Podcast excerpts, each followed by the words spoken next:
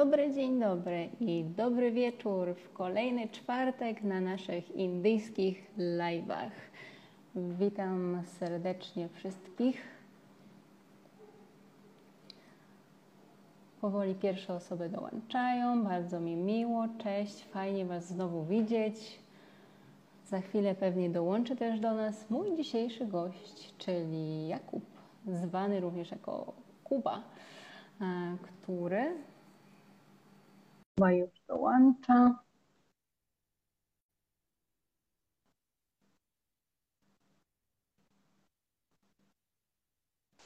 Cześć. Udało się. Jesteś.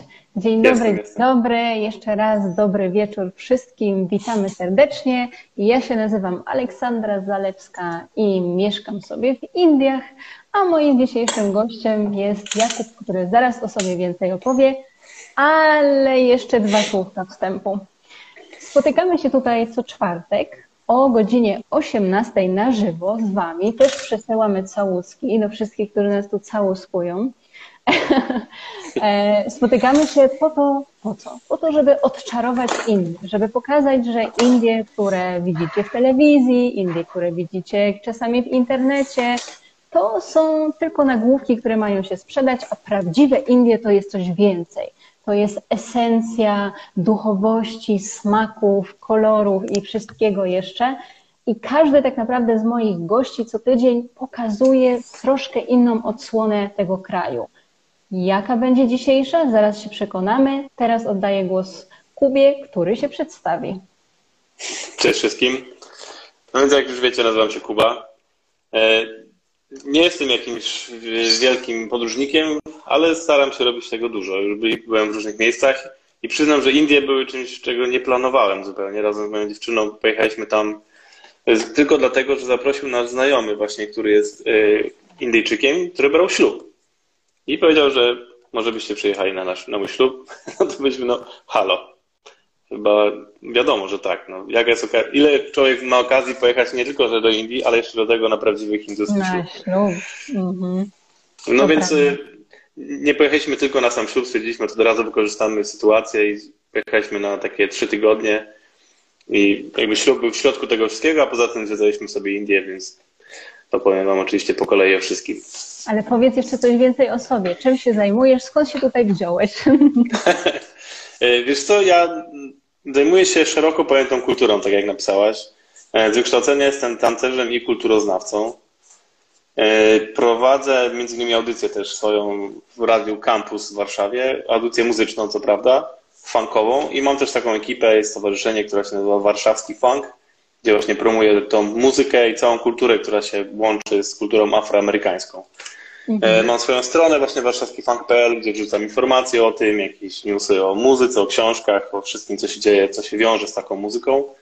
I też jestem sam z siebie muzykiem, jestem perkusistą.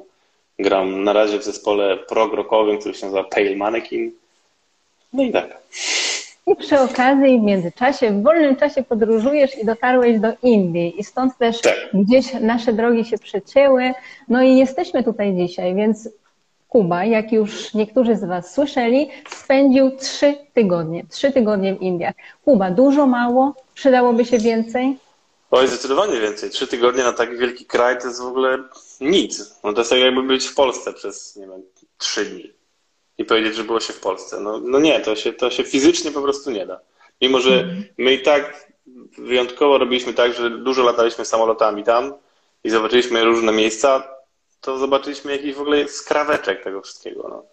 I zdecydowanie chcielibyśmy więcej. E, Nie wiemy kiedy, bo jeszcze jest dużo innych fajnych miejsc do zobaczenia, ale na pewno gdzieś byśmy chcieli wrócić i zobaczyć, zwłaszcza Indie, że tak powiem, środkowe, bo głównie widzieliśmy właśnie okolice wybrzeży.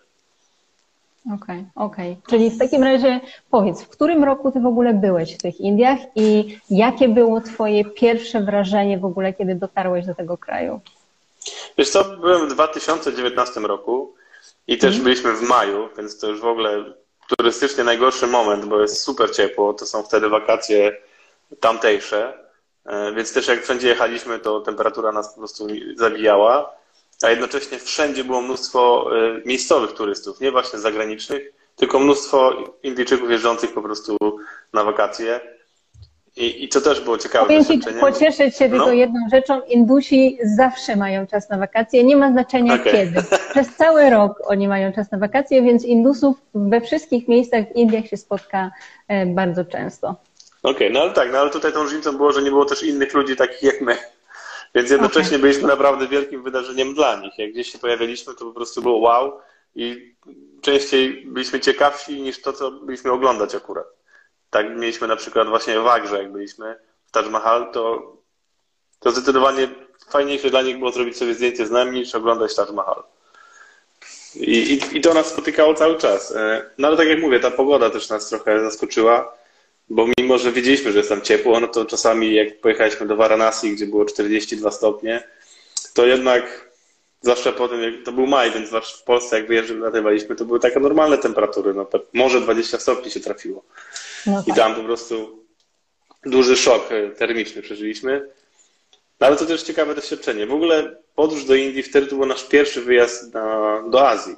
To też w ogóle dużo ludzi nas mówiło, że to po prostu rzuciliście się od razu na głęboką wodę. To prawda. Że zazwyczaj każdy zacznie Azję gdzieś tam właśnie Od tych ładniejszych wysepek, tak, Tajlandia, tak, tam Filipiny może też, tak, a my od razu w Indię pojechaliśmy i jeszcze do tego właśnie głównie byliśmy w miastach, co też jest osobnym jeszcze doświadczeniem, na pewno mocniejszym niż jak się pojedzie do takich miejsc stricte turystycznych, które są bardziej pod właśnie turystę europejskiego gdzieś pod, podpasowane. A my nie dość, że właśnie pojechaliśmy na ten ślub, to mieliśmy znajomych właśnie, którzy też byli na tym ślubie miejscowych, którzy nam po pierwsze powiedzieli, pokazali parę rzeczy, więc to też zupełnie inaczej, inne odczucie. E, No w ogóle pierwszą rzeczą, jak przyjechaliśmy do Indii, to było z- zakup ciuchów na ślub. Zostaliśmy zabrani właśnie do, do, do sklepu. Odpowiedniego musiały- sklepu. Oczy tak, dziewczyny musiały sobie kupić sari odpowiednie, no bo bez tego nie można po prostu się na ślubie pokazać. I tutaj Ja też- zaznaczamy odpowiednie, bo to już też poruszałam na Tak. live z Anią ze Skydreams, że nie każde sari na ślub jest odpowiednie. Także moi drodzy, jeżeli też byście kiedyś dostali takie zaproszenie, to przyjmujcie bez zastanowienia, tylko e, no właśnie, odłóżcie sobie budżecik na odpowiedni Tak.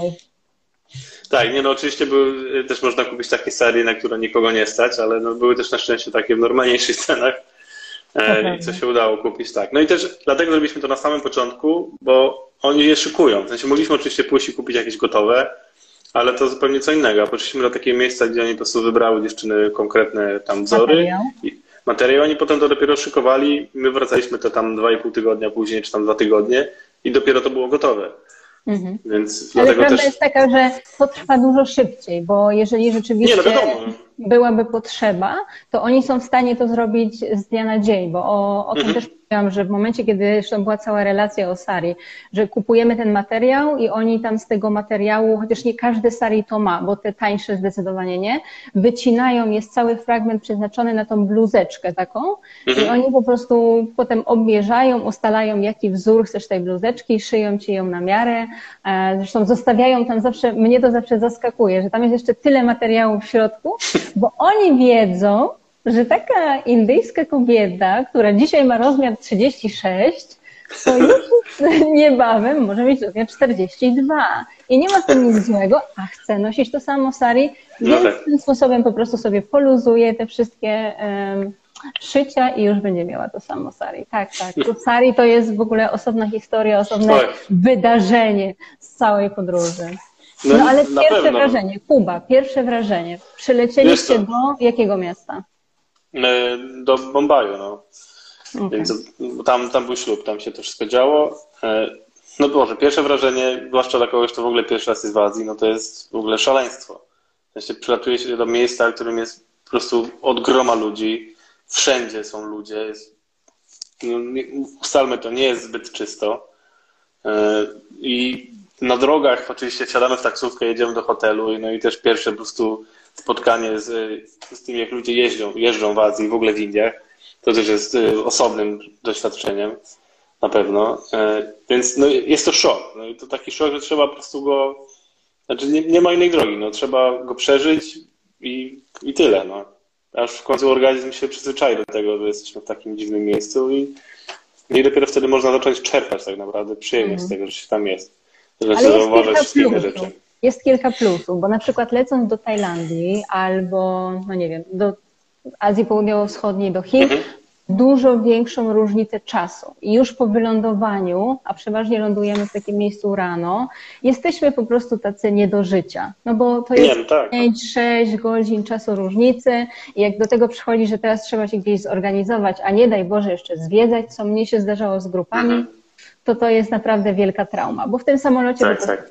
jest nieżywe. A tu w Indiach jednak mimo wszystko 3,5 do 4,5 godzin różnicy to jest zawsze troszkę mniej, e, co nie mhm. zmienia faktu, że tak, no maj e, to jest klimat temperaturowo nie polecamy, chyba że ktoś rzeczywiście lubi takie skrajne doświadczenia, jak najbardziej. I myślę, że to też mogło albo musiało wpłynąć na Twoje pierwsze wrażenia, bo nie oszukujmy się, że ta temperatura też powoduje to, że wszystko, na przykład jakieś świeże resztki wyrzucone, one się no, na tak. psują i stąd mhm. też Zapachy będą na pewno bardziej intensywne w tym czasie. No, oczywiście, że tak. E, dlatego, że normalnie jak gdzieś tam ktoś wyrzuca te świeże resztki, to przychodzi jakaś krowa, a ich jest sporo, jak zapewne zauważyłeś, i po prostu je zjada. I już nie ma problemu.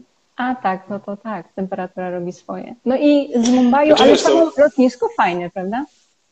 Znaczy tak, w ogóle powiem Ci, jak ja powiedziałem, myśmy dużo latali w ogóle samolotami i dużo ludzi nam wcześniej mówiło, że o nie, jak będziecie latać tam, to włączcie w ogóle 5 godzin wcześniej, bo tam w ogóle nic jest nieorganizowane, że padaka, tragedia. Zupełnie nie mieliśmy takiego doświadczenia. Wszystko w ogóle tip-top, nawet najmniejsze lotniska w jakichś miejscowościach, jak leciliśmy, bez żadnego problemu, wszystko na czas, raz, dwa mhm. się wszystko załatwiało, więc to w ogóle super. I super jest też to, że nawet w tych tanich liniach lotniczych masz 15 kilo bagażu. Mhm. Tak, nie znaczy no nas to nie dotyczyło, bo my mieliśmy po prostu plecaczki, bo no, to ten plus właśnie, że mieliśmy tych znajomych, do których przyleciliśmy, to zostawiliśmy u nich te duże bagaże. E, wzięliśmy tylko ze sobą plecaczki na ten kolejne rzeczy, które zwiedzaliśmy, więc nie było w ogóle problemu pod tym względem. Także mieliśmy tylko podręczny i, i e, No, gdzie my też ruszyliście z Mumbaiu? Po, poleciliśmy pierwsze co, to pojedziemy do Udaipuru, dobrze pamiętam? Tak, tak. To była nasza pierwsza, pierwsza wycieczka. No i od razu zupełnie inaczej. To jest fajne, że po prostu wylatuje się z, z Bombaju i trafia się w zupełnie inną przestrzeń. Mimo, że nadal wiadomo, że to są Indie, jak nie da się ukryć, to zupełnie inny klimat. Jednak to historyczne miasto, e, to jezioro, które też odświeża to wszystko. I fajne jest to, że jak byliśmy tam w tym okresie, to było tak, że co wieczór była burza i wszystko. Po prostu tak tam parowało to jezioro, że jest 24-godzinna wymiana po prostu wody w tom i z powrotem. W ciągu dnia upał, wieczorem zimno burza. Też ciekawe doświadczenie. Mm. No, no i tak, no i też pierwsze, pierwszy raz, kiedy tam trafiliśmy, no to już normalny, znaleźliśmy hotel, nawet hostel bardziej bym powiedział, jakiegoś pana po prostu na poddaszu, e, właśnie gdzie w tym, jak pierwszy raz tą burzę mieliśmy w nocy, to w ogóle nie wiedzieliśmy, co się dzieje. Myśleliśmy, że się świat kończy. Bo to był pokój, mieliśmy taki pokój z łóżkami. To była kwatera po prostu, kwatera. Tak, tak. Pokój bez okien, więc nie wiedzieliśmy, co się dzieje na zewnątrz. I tylko słyszeliśmy po prostu te pioruny nawalające i tą wodę, która naprawdę leciało i tyle, że tak jakby ktoś stał za drzwiami i wiadrem tak no, w te drzwi rzucał. I, I w ogóle co się dzieje? Po prostu wychodziliśmy po nocy patrzeć, czy tam jakieś tragedie się nie dzieją. Ale na szczęście okazało się, że jest normalnie, nikt się nie przejmował, więc stwierdziliśmy, no dobra, to skoro to jest normalne to nie ma się co przejmować. Nie? Jest Ale tylko tak. jeden problem z tym związany i to samo jest nawet tutaj w Bengalurze, w centrum cywilizacji i technologii, mhm. że w takich sytuacjach niestety e, wyłączają prąd. Jeszcze tak, jak się no, mieszka na tak osiedlu, gdzie jest ten generator, no to oni gdzieś tam go włączą w międzyczasie, ale czasami jak nie ma generatora, no to na przykład możemy spędzić bardzo przyjemną, czarną noc, a już bez okna to Powiem no tak, tam dokładnie tak było, więc... Dokładnie. No więc pierwsza noc taka w takim miejscu, ta burza nawala, deszcz leje, prąd się wyłącza, więc siedzimy w tym ciemnym pokoju.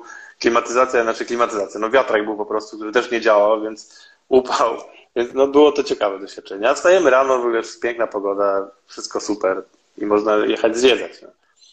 No i to, że tam jest to jezioro, a nie, nie chodzi się jednak po takich zwykłych ulicach, tylko od razu się poszło nad jezioro, pływa się, zwiedza te zamki na, na wodzie, to, to też dużo fajniej. Jak na pierwszy raz taki właśnie, żeby się spotkać z Indiami, myślę, że to bardzo spoko opcja była. Mm -hmm. Zwłaszcza z takimi niskimi. Przypomnijmy, to jest miasto w Rajasthanie, tak? Bo Rajasthan Tak. to jest jedno z takich miejsc, które tak naprawdę jest bardziej popularne wśród turystów generalnie, zagranicznych, polskich też. Są zresztą nawet programy całe zwiedzania tylko samego Rajasthanu, e, więc ten Jaipur tam jak najbardziej jest. No i stamtąd gdzie pojechaliście? Stamtąd już polecieliśmy do, znaczy ogólnie do Nowego Delhi, a z myślą o Agrze. I przy, tak, i stamtąd po prostu od razu pojechaliśmy do, do Agry i do zwiedzania Taj Mahal. I tak jak mówię, tam najbardziej nas szykowało właśnie to, że my byliśmy tym ciekawszą częścią dla miejscowych niż, niż zwiedzanie tego Taj Mahal. Yy, No ale to już widać, że to jest też turystyczna miejscowość. To jest zupełnie in, inaczej to wszystko wygląda. Całe ten centrum, yy, jak to jest zorganizowane, no to już się czułem po prostu jak normalnie na wycieczce w Europie. Mhm. Więc, Ale więc to ciekawe. Taj Mahal, było to wow, o tak, zawsze marzyłem, żeby to zobaczyć, czy jednak tak, no okej, ale może trochę przereklamowane. Nie, wiesz co, znaczy nie miałem takiego czegoś, że myślałem, bardzo chciałem to zobaczyć jakoś, no nie, wiedziałem, że jest, że mówią, że spoko i tyle. Nie, nie szedłem z niczym w głowie takim, że będzie ekstra. I chyba dzięki temu sprawiło, że tak było. Że wchodzi się na ten teren i naprawdę się robi wow. W ogóle wow. To wow. po prostu brakuje, brakuje słów, naprawdę. Wchodzi się na to i widzieć tą przestrzeń, to jak to jest wszystko zorganizowane, tą całą zieleń i te, naprawdę, no wow. Robi to No, ogromne wrażenie. widziała, było widać po zdjęciach, że pogoda Wam się udała. Kto nie Tak. widział, to będzie też to zdjęcie na okładce i na podcaście i na potem YouTubie. To tak, zdecydowanie Kubie się pogoda udała, e, więc no cóż, wszystko zależy od pory, w jakiej jedziemy. No i po Taj Mahal, co kolejne? Y, Potem pojechaliśmy do Nowego Delhi, żeby Mhm. zobaczyć stolicę. E, I I? tam jechaliśmy głównie z myślą o jedzeniu. My akurat, ja i moja dziewczyna oboje jesteśmy wielkimi fanami e, je- jedzenia indyjskiego. Tym bardziej, że mamy sąsiadów, którzy mieszkają dokładnie nad nami, którzy są e, właśnie Hindusami, którzy się od niedawna sprowadzili i otworzyli nam pod domem knajpę. Okej. I to bardzo dobrą knajpę i mówię to nie tylko ja, tylko dużo no- moich znajomych, którzy tam jeżdżą i kupują też to jedzenie. Więc po prostu jechaliśmy z myślą, że w końcu zjemy dobrego, dobre jedzenie. E, I tam szukaliśmy właśnie takiego prawdziwego street fooda. I znaleźliśmy jakieś po prostu lokalizacje, że tam trzeba pójść i spróbować właśnie takich dań. pan to nie tam. jest trudne. No nie, nie, ale też żeby były jakieś, wiadomo, że fajne. No, no więc Mhm. po- pojechaliśmy do centrum, no i też rzeczywiście centrum Nowego Delhi, no to ustalmy, to jest tyle ludzi w jednym miejscu się chyba nigdy nie widziało wcześniej. Starego Delhi, czy nowego Delhi? Starego, starego. Starego. Mhm. Starego, No starego. i- Czyli właśnie, No i co takiego No. dobrego tam zjadłeś? No bo skoro pojechałeś z myślą, że musisz spróbować, no to teraz niech wszystkim naszym słuchaczom tak zacznie ślinka cieknąć i wszyscy teraz od razu już na pyszne.pl i zamawiamy indyjskie jedzenie. Wiesz ja oczywiście nie pamiętam nazw, co moja dziewczyna od tego. E, Na pewno jedliśmy bardzo dobrą samosę, taką właśnie, którą pan tam robił. Ja zwłaszcza bardzo mi smakowały takie, Jezu, nie pamiętam oczywiście, sło- słodkie na głębokim tłuszczu smażone takie Jalebi. małe... Takie Jalebi, dokładnie. Jalebi. Tak, dokładnie tak. O Jezu, to było wspaniałe. To Ale jalebi trzeba jeść świeże, bo potem jak jest takie tak, tak, tak, tak. No więc właśnie tam to po prostu podchodzisz i pan ci wyciąga z oleju i daje do ręki. No, no i super, to tak i jeszcze parę rzeczy. Na pewno graliśmy tą taką paraja, to się nazywa taką pizzę, co się... parata. Parata. Też, też super. No i potem poszliśmy do, do fortu. I, I powiem, że pierwsza rzecz, która mnie tak najbardziej zadziwiła, będąc w Indiach, to właśnie rzecz, którą zobaczyliśmy, będąc w forcie. Mhm. Mianowicie tam jest wystawa e, taka wojskowa. Ca- Znaczy w ogóle jest dużo rzeczy wojskowych tam oczywiście związane, bo tam z tego co pamiętam cały czas stacjonuje w ogóle oddział wojskowy, e, że ten fort jest cały czas w użyciu. I, i mieli wystawę o właśnie historii II wojny światowej. I to jest coś takiego, co mnie mocno zszokowało, bo okazuje się, że oni są dumni z tego, że walczyli przeciwko aliantom. I w ogóle, what? Nas uczą dokładnie na odwrót, nie? W Polsce zwłaszcza, że no jak to? Przecież Niemcy są źli, więc walczymy przeciwko Niemcom. Więc uczy się u nas raczej, raczej jeżeli się słucha o, o tym, że Hindusi i Indyjczycy brali udział w wojnie, to po naszej stronie. A tam zupełnie na odwrót. Że właśnie Mhm. oni dzięki temu w końcu się wyzwolili właśnie od aliantów, od Anglików, i dla nich to jest okazja do świętowania. Już nie pamiętam, jak się nazywał tam postać, która była cała wystawa poświęcona jakiemuś im tam e, narodowemu bohaterowi, który wtedy walczył właśnie i Mhm. zorganizował to wszystko. I to było takie, okej, okej, to cie- ciekawe naprawdę, że tu jest Znaczy, przyznam stronę. szczerze, że tak naprawdę to nawet nie tyle chodzi o to, że to jest w drugą stronę, tylko że rzeczywiście e, Brytyjczycy wykorzystywali e, Mhm. Indusów e, do walki w swojej wojnie, wysyłali ich na fronty w różnych częściach świata i myślę, że no cóż, ginięcie za czyjąś sprawę gdzieś na końcu świata nie zawsze było w ich em, Nie, no tak, no to jest ważne. To nie jest tak, że oni walczyli z Niemcami, w sensie, że to nie była walka, żeby pomóc Niemcom wygrać wojnę, tylko oni wykorzystali okazję, że mogą się przeciwstawić Anglikom, którzy dla nich byli ciemiężycielami. I to jest dla mnie logiczne.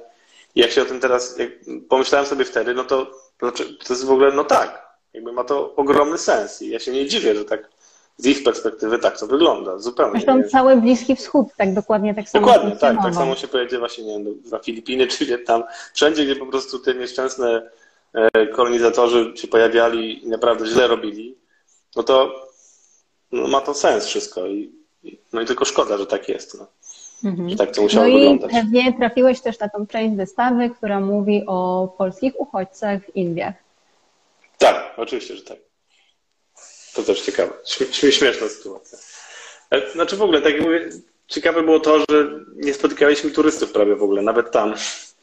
Przez to, że byliśmy w takim okresie, to i tu polecam, no, jeżeli jesteście w stanie wytrzymać takie temperatury, to myślę, że to jest akurat spoko opcja pojechać w tym okresie, bo nie ma tych tabunów po prostu turystów, którzy tam się kręcą.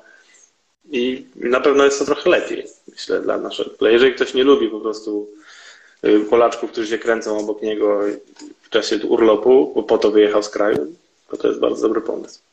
Mhm. Chociaż prawda jest taka, że są takie punkty na mapie, zwłaszcza tak jak Czerwony Fort, które czasami są przez grupy po prostu omijane, dlatego że większość programów jest zbudowana w taki sposób, że nie starcza na ten Czerwony Fort czasu i ludzie wychodzą z założenia, oj, przecież jak jest Fort w Agrze i będziemy przy Taj Mahal, to zaliczymy w Fort Agrze, to po co robić Czerwony Fort w Delhi? Wielki błąd, No nie, nie, wielki, co wielki innego. błąd.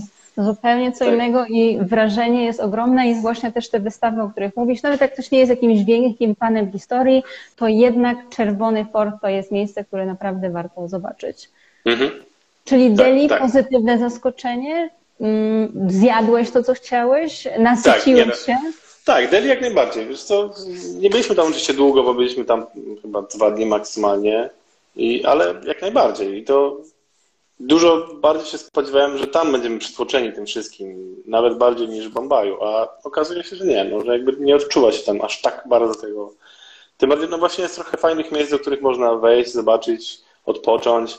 Byliśmy chociażby w, zobaczyć ten grup e, w Raj Hut, No. tak to się nazywa? Mhm, tak. E, Tak, więc tym, tam też super przyjemnie, pusto, nie dużo ludzi w ogóle, więc posiedzieliśmy sobie po prostu na trawie, przez chwilę odpoczęliśmy. No tak, bo tam jest cały park zrobiony, więc Tak. można sobie siedzieć. Rzeczywiście. Więc No i generalnie całe. Nowe Delhi, tak? Całe Nowe Delhi jest bardzo, bardzo przestrzenne, dużo zieleni, Mhm. więc zdecydowanie można odetchnąć. A udało Wam się zajrzeć do muzeum, czy nie zdążyliście? Nie, do muzeum nie zdążyliśmy, ale teraz mi się w ogóle przypomniało, że w Nowym Delhi byliśmy w klubie. O Boże, to było przy... fajne przeżycie. Okej. Ja się przypomniał tak, bo byliśmy w takim właśnie hostelu, klasycznym hostelu, po prostu gdzie dużo młodych ludzi, e, właśnie backpackersów, jakichś podróżujących i poznaliśmy e, taką parę z Francji, z, którymi się tam zakumplowaliśmy i jak tylko przyjechaliśmy, to właściciel, taki młody chłopak tego hostelu mówi, że wieczorem jest impreza w klubie, więc jak mamy ochotę, to zapraszają. Ja mówię, no dobra, no jasne, że tak idziemy. E, A że byliśmy biali, to mieliśmy wszystko za darmo, taka prawda, więc wpuszczali nas po prostu, podchodziliśmy, mówili, o, są biali, zapraszamy do środka. E, Więc chodziliśmy do klubu. Klub, że tak powiem, standardowy. To jest nic, nic jakiegoś wyjątkowego. E, Ciekawe doświadczenie w kontekście, że ja po prostu nie bywam w takich klubach, jakim tam był, tam była muzyka jakaś taka typowo taneczna, w sensie densowa, dużo umpa umpa, DJ zmieniał piosenkę co 10 sekund, więc śmieliśmy się po prostu, że stara się tantiemów nie płacić, e, bo po, po 15 się dopiero nalicza, no naprawdę. A że poznaliśmy tych Francuzów, którzy mieli trochę podobne podejście do tej sytuacji, to mieliśmy naprawdę duży ubaw z tego wszystkiego. E, I tak jak w tym klubie, bo byliśmy w sumie dwóch, byliśmy w tym pierwszym i tam właśnie w ogóle dawali nam drinki za darmo i było super. A potem powiedzieli, dobra, to idziemy teraz do drugiego. A ja nie byłem trochę przygotowany, miałem na sobie krótkie spodenki. Okazuje się, że pojechaliśmy do jakiegoś super fancy klubu, w którym pan bardzo nie chciał mnie puścić w związku z tym, że mam krótkie spodenki. Ale po długich nagabywaniach stwierdził, no dobra, wyjątkowo. Weszliśmy do tego klubu, ale to już było zupełnie inne doświadczenie. To był taki, o Jezu. To był klub na zasadzie, y, była osobna przestrzeń VIP-owska, gdzie ludzie stali i patrzyli się na tych pozostałych, którzy tańczą w klubie. Y, muzyka była jeszcze bardziej szalona i tak się czuliśmy już w tym momencie, że no to już jest tak bardzo posz, że, że A to było, na Connaught, to było na Connaught Place? Tam. Wiesz co, nie mam w ogóle pojęcia. W takim nie, centrum, tak... gdzie, gdzie tak, potem jest pośrodku flaga Indii. Taka nie, nie, to było w jakimś w ogóle hotelu gdzieś. Mhm. Nas wywieźli w ogóle na jakieś miejsce, jakiś hotel, to było w podziemiach tego hotelu, który był okay. jakiś zamknięty. Nie, no dwa razy. Ale powiedz, powiedz jedną rzecz. Powiedz jedną rzecz z Twoich doświadczeń klubowych, bo to bym chciała, żeby mhm. wszyscy usłyszeli. Czy widziałeś tam te purytańskie, biedne Indie? Czy co tam widziałeś? Czego tam doświadczyłeś z punktu widzenia nie, takiego nie, socjologicznego? nie, no tam widziałem dokładnie młodych ludzi po prostu dobrze ubranych, którzy przyszli na imprezkę, e, albo nawet ubranych bardzo dobrze, że tak powiem. Bardziej my się wyróżnialiśmy tym, że właśnie miałem krótkie spodenki, że byliśmy tacy trochę na tak zwaną odwal się, po prostu przyjechali, przed chwilą wiedzieliśmy miasto i nie było czasu się ubrać, ale tym bardziej nie mieliśmy jakichś super ciuchów ze sobą, no bo jednak bez przesady, to tam wszyscy po prostu, no tak jakbyśmy u nas poszli do jakiegoś lepszego klubu, no, w Warszawie. To dokładnie ten sam klimat. Mhm. Taka sama muza, to samo zachowanie, ten sam alkohol, w ogóle wszystko tak samo. Tylko dwa razy droższy. No tak, no. No tak, Myślę, to jest że... Trzeba pamiętać o tym, że alkohol w Indiach jest bardzo, bardzo drogi. Jedyne miejsce, gdzie alkohol w Indiach jest w miarę przyzwoitych cenach, to jest e, Goa, a w reszcie kraju w ogóle w sklepach, a już tym bardziej w klubach jest strasznie drogi. Dlatego czasami, jak widać, opłaca się być białym poza sezonem, który jak wejdzie do klubu, tak. to znaczy, że zrobi tłum, bo wszyscy pomyślą, o, biały tam poszedł, to my też tam idziemy. Dokładnie tak. Znaczy, bardzo szybko zrozumieliśmy, że dlatego zostaliśmy zaproszeni do tego klubu, no, że po prostu mamy stworzyć prestiż. I, no i w sumie nam to nie przeszkadzało, no okej. Okay. skoro, tak, skoro tak im potrzeba, no to, to dobrze, no. Znaczy, nie miałem z tym problemu, aczkolwiek rozumiem, no, że jest to trochę smutne. Czy tak się dzieje? Myślę, że wiesz, co kraj to obyczaj. No i z Delhi, no. gdzie się udaliście dalej? I stamtąd pojechaliśmy do Varanasi. Mhm. E, no i tutaj to było pierwsze przybycie do Varanasi było chyba najcięższym doświadczeniem w ogóle indyjskim, bo tam już, tak jak mówiłem, była temperatura 42 stopnie. No i jak się wjeżdża do tego starego Varanasi, gdzie przestrzeń między blokami jest może półtora metra, i jeszcze między tym jeżdżą skutery, chodzą krowy i psy sają na ulicę i leżą wyrzucone pieluchy i to wszystko w tej temperaturze właśnie paruje, to pierwsze przejście do, do hostelu, bo mieliśmy hostel prawie nad całą rzeką i musieliśmy przejść po prostu między tymi blokami, domami ładnych parę metrów, to naprawdę bardzo ciężkie doświadczenie było. I no, powiem nawet, że niektórym podchodziło pod gardło. Ale to było takie pierwsze, pierwsze, pierwsze styknie. Jak już przeżyliśmy to i się trochę uspokoiliśmy, doszliśmy do rzeki, gdzie też już świeże powietrze bardziej się dostało, to, to wręcz do teraz mam najlepsze chyba właśnie wspomnienia z Varanasi. Jakby poczułem, że tam najbardziej się poczułem jak w Indiach. Mhm. Takich, takich, które gdzieś tam znam z opowieści i w ogóle. E, jakby ten, cała Cały magia tej... Magia, Dokładnie tak. Magia tej, tej, tej, tej, tej religii, tego wszystkiego, coś tam działo dookoła, że co wieczór odbywają się rytuały poświęcone rzece i mnóstwo ludzi właśnie w kolorowych strojach, tych joginów, którzy się tam gdzieś kręcą. Naprawdę no, robi to wrażenie i to takie bardzo pozytywne, że są super mili też tam. To jest zupełnie inne podejście było niż w takim, niż w takim Mumbaiu czy w Delhi. Mhm. No tak. to, to naprawdę fajne. Bo Varanasi to jednak jest bardzo, bardzo historyczne miejsce z jednej tak, strony, a z drugiej tak. strony bardzo uduchowione, bo no tak jak z, w mojej rozmowie z Maćkiem, bo Maciek spędził sporo czasu i pojechał po, te, mhm. mm, po ten tak zwany dark tourism do, do Varanasi. Mhm. Rzeczywiście e, jest się w stanie tam przeżyć spektrum wszelkich emocji i no, czy udało Wam się zobaczyć też to, co niektórzy jedzą, żeby zobaczyć kremację zwłok? Widzieliście? Na pewno widzieliście. Znaczy widzieliśmy z, z rzeki, bo załatwiliśmy sobie po prostu rejs po rzece właśnie wieczorem, w czasie, kiedy odbywał się ten rytuał dla rzeki Ganges. Nie pamiętam, jak się teraz nazywa, przepraszam. Arti to się nazywa. Jak? Arti. Arti, okej. Okay. Arti to jest e- generalnie ceremonia położenia Boga do spania, niezależnie jakiego, a że rzeka Ganges jest traktowana jako bogini, to stąd też ta ceremonia się tam na brzegu odbywa. Okay. no tak, I, on, i to jest fascynujące, że ona jest co wieczór. Nieważne słońce, deszcz, śnieg, co bykolwiek się nie działo, to, to się dzieje. To jest w ogóle super. E, no i tak, pierwszego dnia byliśmy na brzegu oglądać sobie to wszystko, a drugiego wzięliśmy łódkę, żeby zobaczyć to z, z rzeki. I przy okazji nas przywieźli, właśnie pokazali e, krematoria, co też no, robi wrażenie mhm. jednak. Mhm. I że też to się pali cały czas. To też jest szokujące. Pali się cały czas, no bo nie oszukujmy się, że większość osób marzy o tym, żeby zostać skremowanym właśnie w Varanasi i żeby ich prochy trafiły właśnie do Gangesu, dlatego że no, jest to poniekąd gwarancja uwolnienia się z kręgu mhm. reinkarnacji, czyli sansary i osiągnięcia tak zwanej mokszy, czyli czegoś tak. takiego jak nirwana w buddyzmie. Stąd też no, trudno się dziwić. Aczkolwiek, e, czy jakieś takie trudne przeżycia podczas pływania po rzece, czy udało się nie, bez. Nie, w ogóle, bez, w ogóle super nam się udało, bo razem z nami płynęła rodzina właśnie hinduska i, i pan, pan bardzo dobrze mówi po angielsku i w ogóle zrobił się naszym przewodnikiem. No bo pan, który z kolei sterował łódką, to nie za wiele potrafi po angielsku powiedzieć, on po prostu sterował i tyle. A ten pan, który z nami siedział i był, przyjechał też po prostu zwiedzać, opowiadał nam właśnie całą historię. Mówi, opowiedział nam właśnie o tym, o spalaniu, o tym rytuale, jakby wszystko dowiedzieliśmy się dzięki niemu, jest w ogóle rewelacja. Pierwszej ręki. Tak, to, więc w ogóle super, super sprawa. Mhm. I też go potem spotkaliśmy jeszcze następnego dnia, gdzieś tam, więc bardzo, bardzo sympatyczne to było, że tak mhm. nam się udało. Jedyny z Varanasi mamy gorsze wspomnienie, bo, bo, bo była nas w sumie trójka. Ja, moja dziewczyna i jej koleżanka z pracy, bo w ogóle cały ten ślub, od tego zacznę, e, był właśnie kolegą z pracy mojej dziewczyny i tej koleżanki.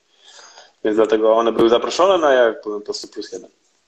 E, I ta nasza koleżanka, no niestety temperatura ją do, dojechała, że tak powiem, bo dostała udaru, udaru po prostu wtedy. Cieplnego. Mhm.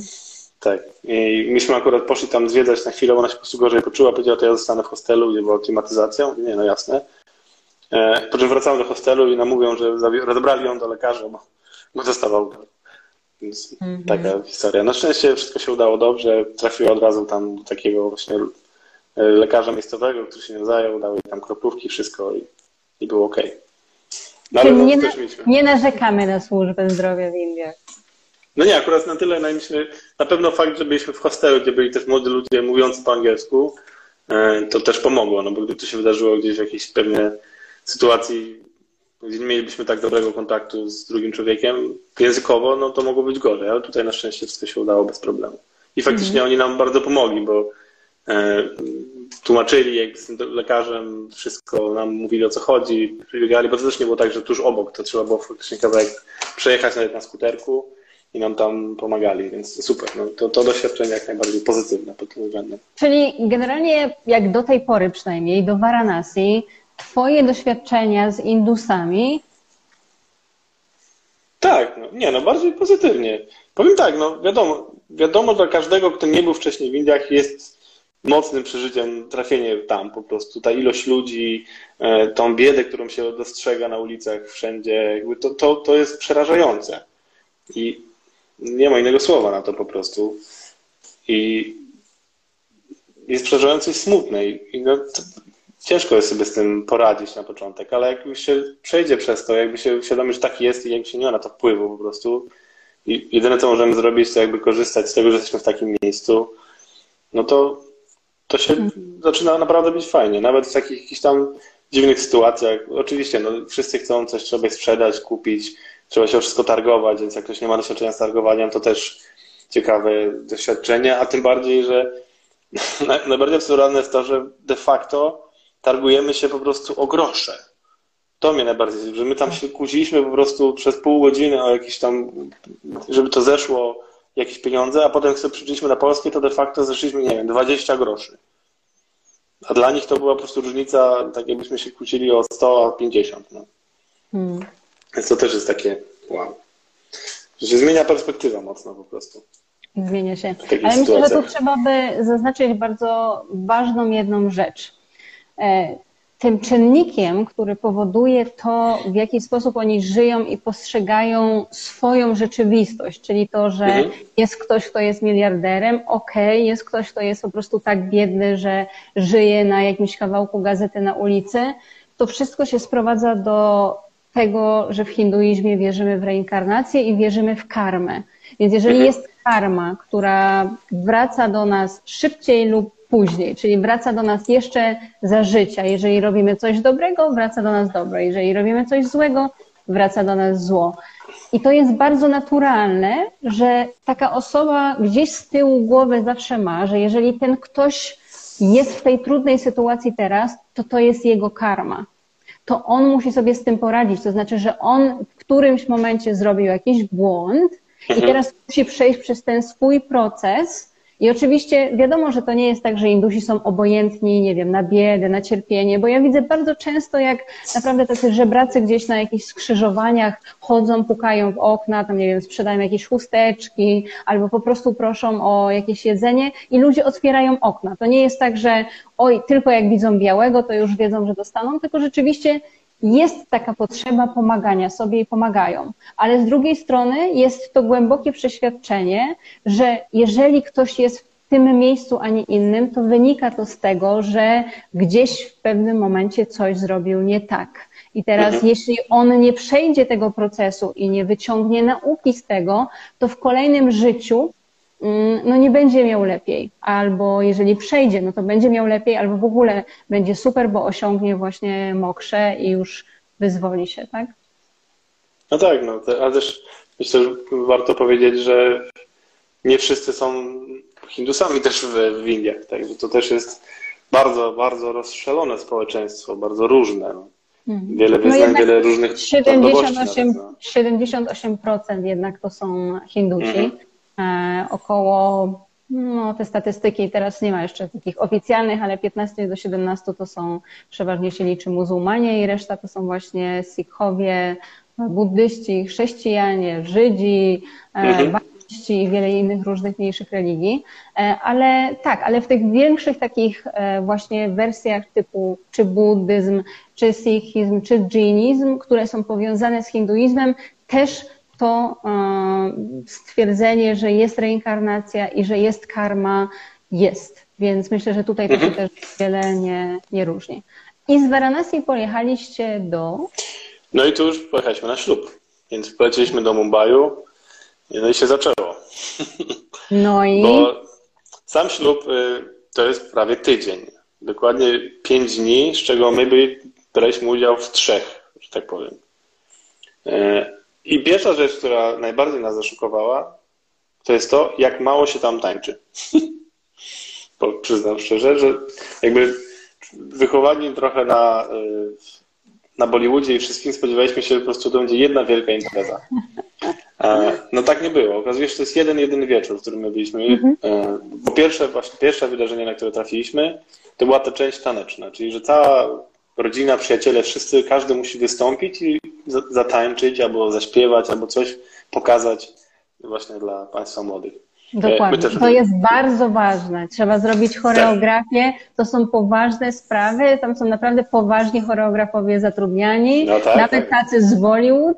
I do tego nawet są ściągane zespoły bardzo, bardzo prestiżowe i muzycy z całego świata, więc tak, to jest wydarzenie samo w sobie. I myślę, że wiesz, to ich kosztuje tyle energii, no że już tak, by im no. na te pięć dni nie starczyło po prostu. Tak, no my, i my też oczywiście musieliśmy przygotować coś. To nie jest tak, że my przyszliśmy i tyle, no, że przyjechaliśmy z, z Polski i będziemy oglądać. No nie, no, zostaliśmy poproszeni, żeby również przygotować jakiś pokaz. Więc e, między innymi będąc w Agrze w hostelu trenowaliśmy choreografię. Ja ułożyłem jakąś taką bardzo prostą, żeby dziewczyny też mogły zatańczyć i żeśmy wspólnie do jakiejś piosenki, którą tam wybraliśmy, tańczyli. No. Ale tańczyliście e... takie bollywoodzkie hity, czy bardziej coś znaczy, europejskiego? Nie, no powiedzmy, że robiliśmy miszmasz. No. Wziąłem po prostu remix bollywoodzkiej piosenki, e, taki bardziej e, funkujący właśnie i, i zrobiliśmy miszmasz. No. Trochę ruchów właśnie wyciągniętych z Bollywoodu, a trochę jakiś daliśmy taki, który po prostu daliśmy radę zrobić w tą trójkę. Rozumiem, okej. Okay. E, no ale robi to też ogromne wrażenie, kiedy tam przyjedzie i zobaczy to, że naprawdę każdy tam coś tańczy. I, i młodzi, starzy, i, i, ciocia, która ma 87 lat, wchodzi na scenę i coś tam musi pokazać, zaśpiewać, zatańczyć. I częściej robi to lepiej niż ci wszyscy młodzi, którzy tam próbują i robią jakieś wygibacje. Ona wchodzi, po prostu robi 7 ruchów ręką i jest mistrzostwo świata. I nikt jest nie lepszy od niej. Oczywiście jakieś dzieciaki, które rapują, no wszystko po prostu wow. E, no i to, co nas szokowało, że to się skończyło bardzo szybko, bo przyszliśmy tam na godzinę 20, powiedzmy dwie godziny trwała ta część właśnie artystyczna, a potem wjechał DJ od razu fixa po prostu na maksa wszystko i wjechało jedzenie, to my, dobra, to my idziemy jeść, zaraz dołączymy do imprezy. Oni, nie, chodźcie tańczyć, chodźcie tańczyć, już trzeba tańczyć. Ja dobrze, spokojnie, zjemy, zjemy. Coś tam zjedliśmy, nie, chodźcie, chodźcie, więc wyciągnęli nas na ten parkiet.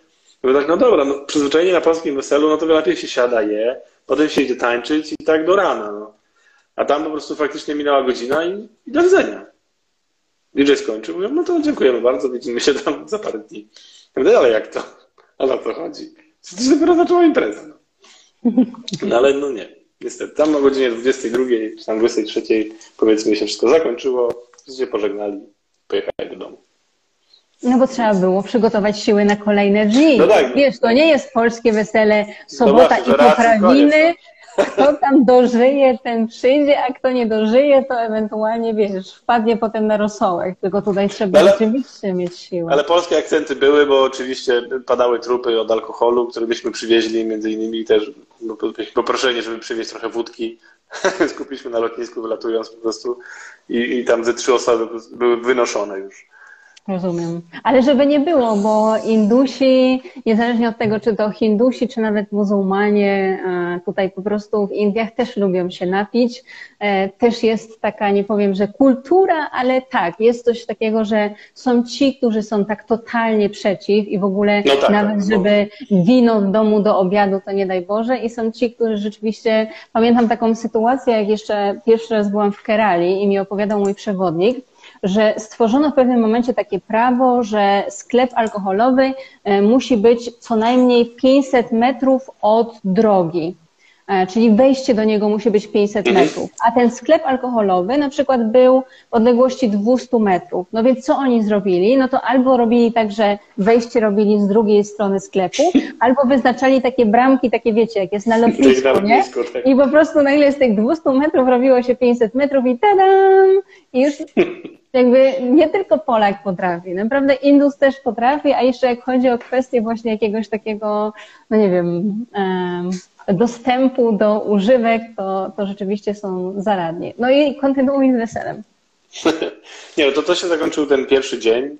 E, I teraz mieliśmy dwa dni przerwy, bo była część, że tak powiem, którą się zajmuje tylko rodzina i państwo młodzi. I my mieliśmy po prostu dwa dni na zwiedzanie sobie Bombaju, co oczywiście wykorzystaliśmy. Dużo się nachodziliśmy naprawdę. Ale i co ciekawe z tą temperaturą, tak jak w Varanasi było niby te 42 stopnie, to było dużo lepiej niż w Mumbai, w którym było 30 stopni. Bo jest kwestia wilgotności. W Varanasi mm. było suchutko, tam jest prawie, no było super sucho, więc ta temperatura aż tak nie, się nie odczuwało, a w Bombaju po prostu jest tak wilgotno, że człowiek tylko wychodzi i natychmiast jest mokry. Kom, natychmiast, kompletnie. I to hmm. dużo bardziej było męczące niż, niż te I bryza od morza wam nie, nie pomagała? Nie, zupełnie nie. Właśnie ona tylko prawie, że jeszcze ta temperatura jeszcze bardziej człowiek klei do tego wszystkiego. Więc to, no nie. na szczęście mieliśmy hotel w samym centrum, dosłownie obok e, Gateway to India. E, przy samiutkim tym mieliśmy właśnie, więc dużo mieliśmy tych ładnych miejsc, które tam historycznie do zobaczenia, plus oczywiście stamtąd się płynęło na, na tą wyspę to też nie pamiętam jak się nazywała, na mhm. Garapuri. Tak. E, więc tam też sobie popłynęliśmy. Mm, no to już zupełnie inne doświadczenie. Zwłaszcza to centrum, to takie, no widać, że to jest pozostałość jednak mocno angielska. Że odczuwa się to, że to tam było te Ci Anglicy tam byli. To się w tym, Brytyjczycy, tak, to się czuje w tym. No ale wiesz, na dobrą sprawę, jak, jak wejdziesz e, do Nowego Delhi i cały Rajghat, czyli co mhm. wzgórze Raisina, gdzie są te wszystkie budynki rządowe, no cóż, no tak, no, e, no tak, no, Lutyens to jest wszystko architektura brytyjska, więc w tym momencie no. te miejsca, które były stolicami, czyli Kalkuta, Mumbai i w tej mhm. chwili Delhi, no to, no to tych, tej architektury brytyjskiej rzeczywiście sporo tam e, jest. Ale wspominałeś coś o Munarze, jeżeli się nie mylę. Tak, do Munaru poleciliśmy na koniec po ślubie, po wszystkim. Okay. To była ostatnia, ostatnia część naszej wycieczki.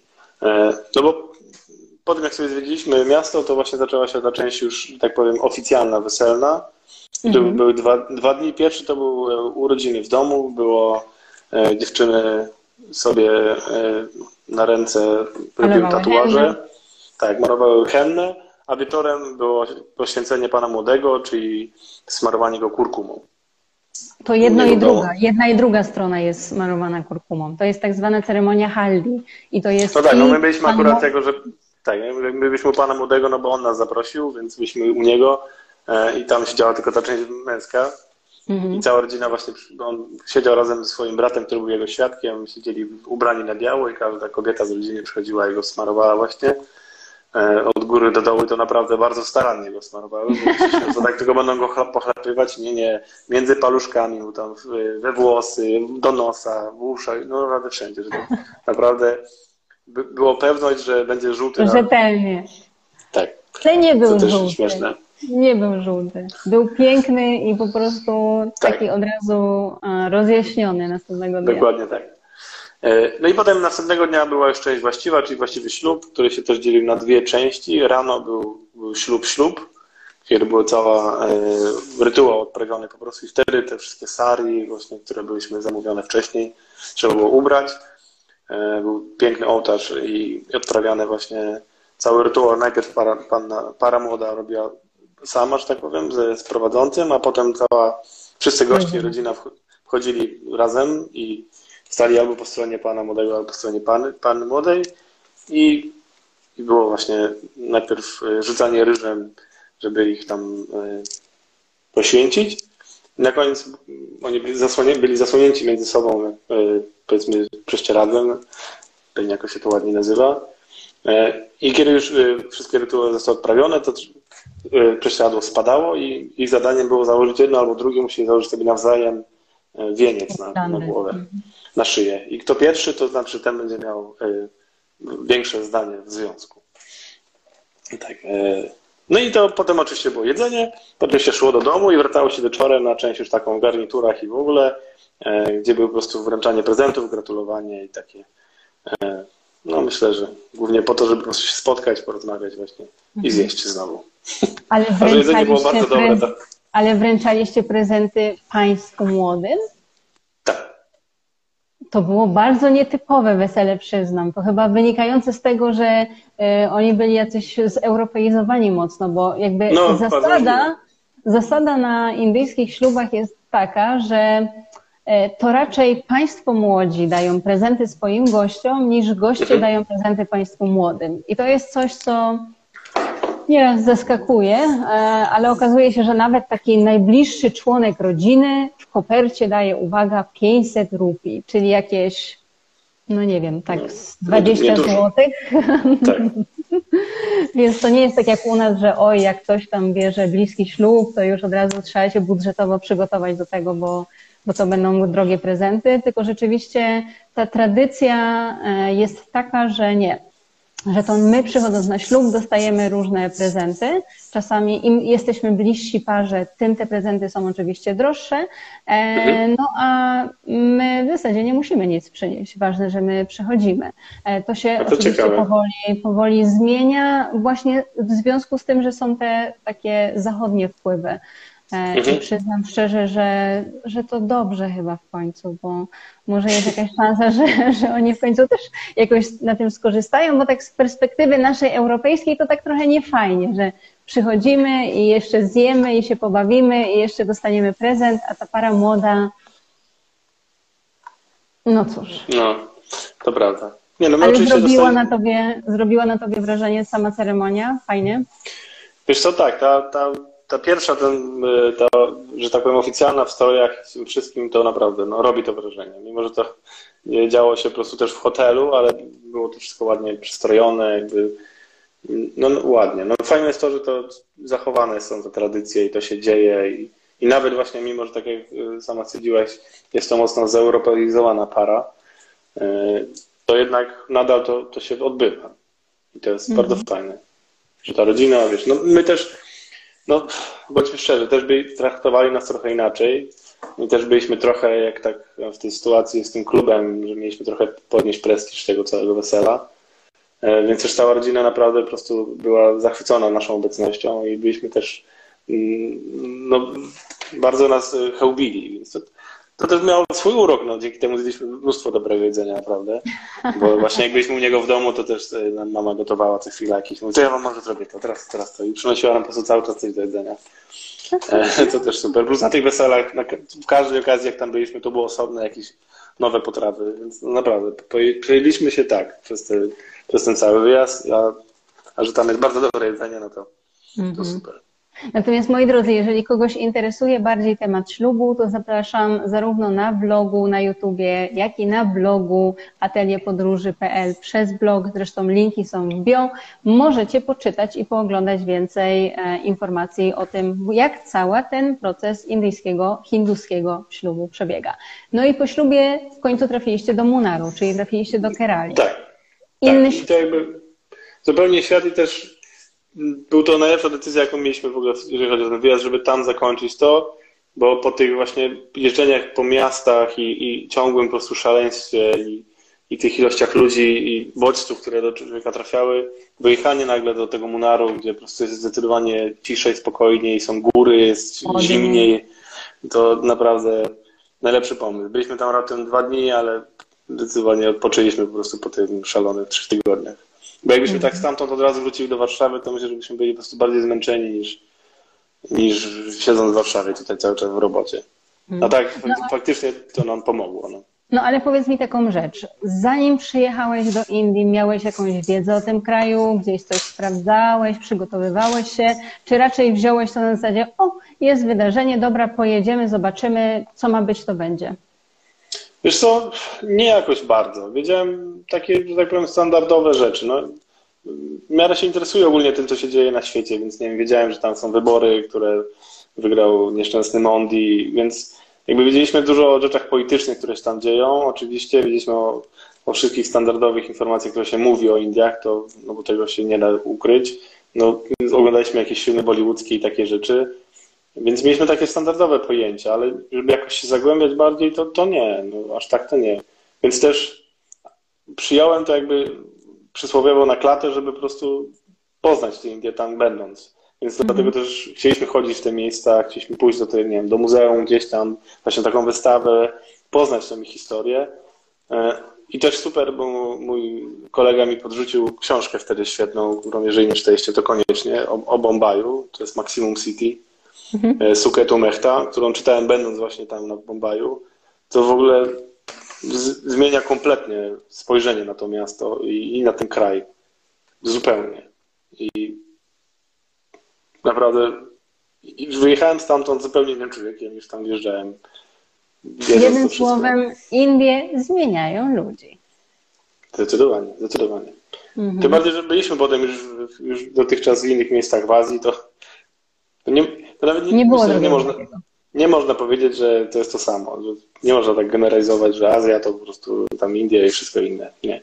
To jest zupełnie inny świat.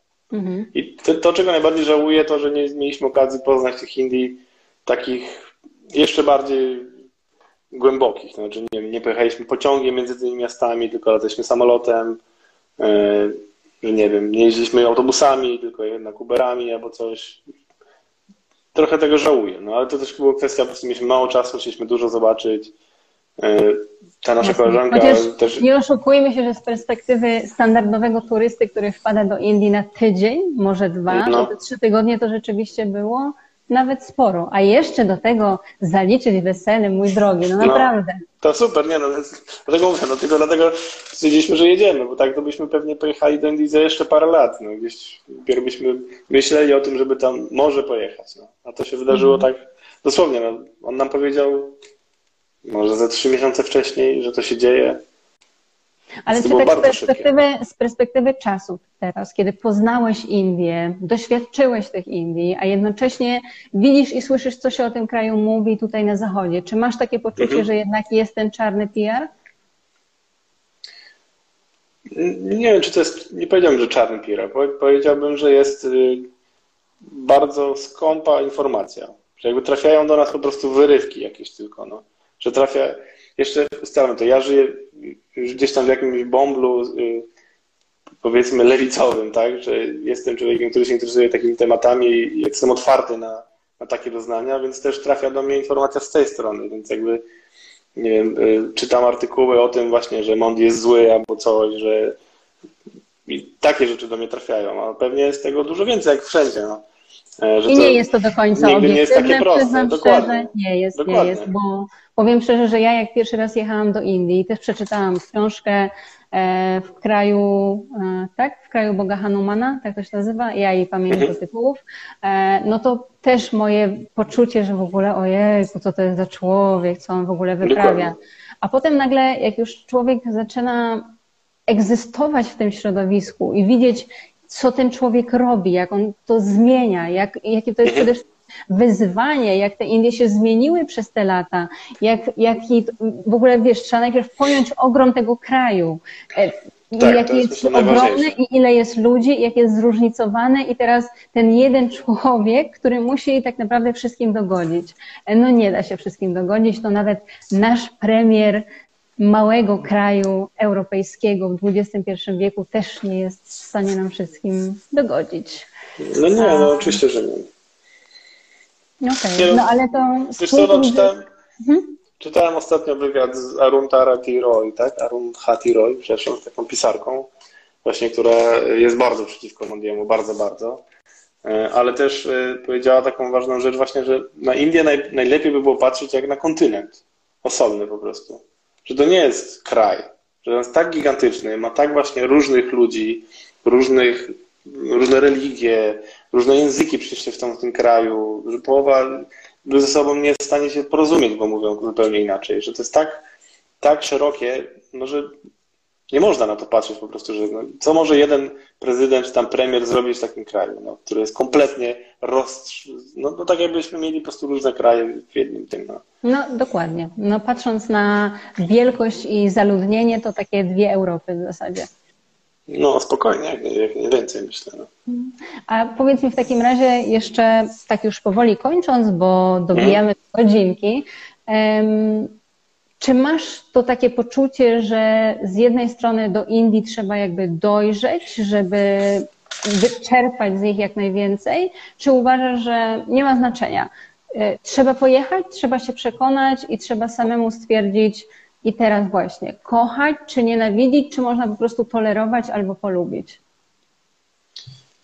No wiesz to, patrząc z mojego doświadczenia, no to najlepiej pojechać i po prostu od razu doświadczyć. No.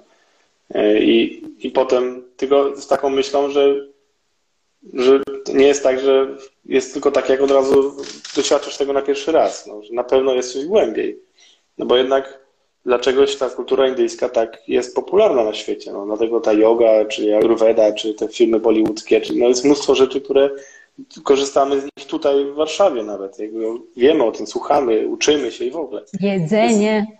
No i jedzenie, tak? Więc skądś to się bierze? No, nie, nie wzięło się z tego, że jest jakiś beznadziejny kraj. No, widać, jest naprawdę wspaniały, skoro aż tyle tego do nas przyszło. Bo myślę, że jest więcej przychodzi z Indii niż powiedzmy z jakiegoś innego kraju, nawet europejskiego do nas.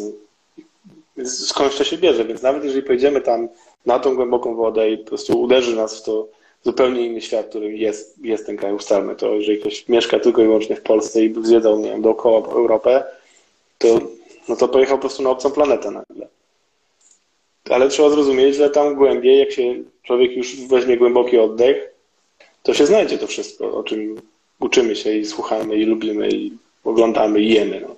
I jak widać, można tu nawet żyć, czego jestem sama przykładem. Dokładnie. Niezależnie od tego, jakie nasze pierwsze nastawienia. Co tutaj mamy? Jeśli już wspominamy Arudati Roy, to lektura obowiązkowa, na przykład Ministerstwo Niezrównanego Szczęścia. Coś wspaniałego. Bardzo dziękujemy w takim razie za polecenie. Myślę, tak. że e, sięgniemy do, do tego e, tytułu, bo przyznam szczerze, że ja jeszcze do tego nie trafiłam, ale to chyba też jest wynik tego, że ostatnio mnie tak pochłonęły kwestie, nie wiem, wszystkiego, szczególnie Afganistanu, islamu i uchodźców, że po prostu, e, nie wiem, ta, te wszystkie przyjemne rzeczy, czyli czytanie książek gdzieś niestety spadło na drugi. Mm, no tak. No. Obraz. No ale cóż, to w takim razie Kuba, na koniec, jednym zdaniem zachęcamy. Czy zachęcamy? I jak zachęcamy do tego, żeby przyjechać do Indii? Zachęcam zdecydowanie. Warto, warto pojechać, przeżyć to i zobaczyć, yy, przeżyć to na własnej skórze, to, ten kraj. Yy, a jak to zrobić? Moim zdaniem nie ma jednej. Tak jak ten kraj jest szeroki i różny, tak jest pewnie milion sposobów na to, żeby go doświadczyć. I nieważne z której strony się do niego wiedzie. Bo myślę, że zupełnie innym doświadczeniem byłoby pojechać w góry po prostu yy, zobaczyć Himalaje na przykład, które też są de facto przecież w Indiach. No. Mhm. To prawda. A też są piękne. Północ jest piękna, Dokładnie. południe, środek, wschód, zachód. No, tego, mi najbardziej, tego najbardziej mi szkoda, przyznam, że nie widzieliśmy właśnie tej natury. Poza tym jednym Munarem, którym byliśmy i który był naprawdę super, to nie widzieliśmy. No, widzieliśmy tylko te miasta i zdecydowanie jakby czuję, że to niedosyt. niedosyt, bardzo duży niedosyt. No, więc jeżeli mm. bylibyśmy wrócić do Indii, to na pewno zobaczyć tą część poza miastami. Mhm. Widzę, że na chwilę obecną chyba nie ma żadnych pytań, chyba że jeżeli jakieś są, to jeszcze kochani piszcie. Jeśli nie, to w każdej chwili, czy do mnie, czy do Kuby możecie napisać, czy w kwestii dzisiejszego live'a, czy w ogóle Indii i zwiedzania Indii, czy czegokolwiek z tym tematem związane śmiało. Ja jeszcze raz bardzo serdecznie Kuba Tobie dziękuję za przyjęcie ja mojego zaproszenia e, i wszystkim, którzy dzisiaj z nami byli. Bardzo miło mi było i wszystkim, którzy będą nas oglądać, słuchać na podcaście. Mam nadzieję, że się podobało i e, no cóż, e, do zobaczenia w Indiach, no bo cóż mogę powiedzieć innego. Tak jest. Ja dziękuję Ci bardzo za zaproszenie. Pa, pa. Pa, pa.